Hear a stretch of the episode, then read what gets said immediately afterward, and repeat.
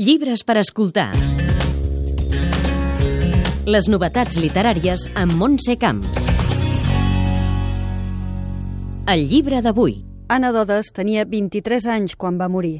La van assassinar fa 33 anys mentre era de vacances al sud de França i el crim no es va resoldre. Malgrat la seva joventut, va deixar un breu i intens llegat literari que ara recupera l'editorial Calígraf. No deia res. Mai no deia res. M'agafava de la mà amb la seva mà tendra i amb olor de rosa fresca i se m'enduia sense fer soroll pel jardí adormit. I m'asseia, i em donava roses i me n'omplia les butxaques i me les posava pel cabell i quan jo també n'estava ple, buidava el cistell i escampava les que li quedaven per la seva falda i les mirava amb les galtes plenes de tint roig. Aquesta és la intensitat de l'obra d'Anna Dodes. Caterina Riba és editora de Calígraf. Ella té una prosa molt, molt punyent, molt atmosfèrica i enigmàtica. I jo en destacaria la cadència musical, que en alguns relats és pràcticament hipnòtica i que veuen part de l'escriptura parlada de Mercè Rodoreda, que era una escriptora que ella admirava i sobre la qual havia escrit. I d'altra banda, és una escriptura també molt sensorial que es desplega en una infinitat de matisos i de gradacions. I també té un punt desafiador, perquè penso que hi ha més d'una crítica soterrada als convencionalismes. No? Dodes va néixer a Folgueroles, a Osona, el 1962. Va estudiar Filologia Catalana i es va formar també com a guitarrista. És coneguda sobretot pels poemaris Paisatge en hivern, amb el qual va guanyar el Premi Amadeu Uller, i El volcà, però també va escriure prosa, molta de la qual inèdita i que guardava la família. Després d'un procés de selecció, ara recuperen aquest recull titulat Cap vespres de foc i de grana, amb 10 relats seus, amb pròleg de Julià Guillamont. She packed my bags last night, pre-flight.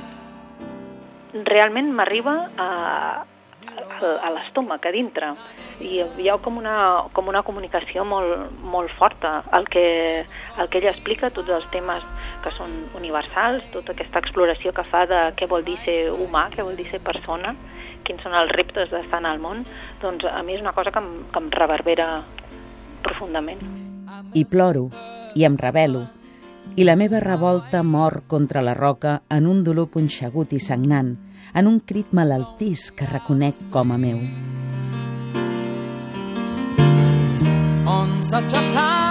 Com una tensió entre el món rural i urbà, una natura indòmita, el plaer intens i el dolor insuportable i sobretot penso que el que, el que fa de lligam entre totes les seves narracions és, és un estil molt, molt peculiar.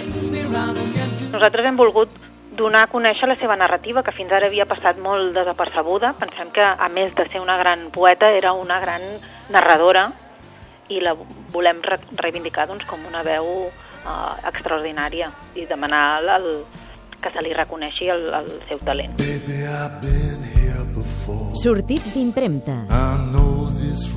Viena Edicions publica Llum a les golfes, la primera antologia de haikus catalans durant més d'un segle. S'hi recullen peces de Salvat Papaseit o Espriu i Sam Abrams n'ha fet la selecció. La meva idea, cridar l'atenció sobre un fenomen que es dona a la literatura catalana, no totes les tradicions literàries, ni grans tradicions literàries, poden tenir aquest llibre eh, fet i dret.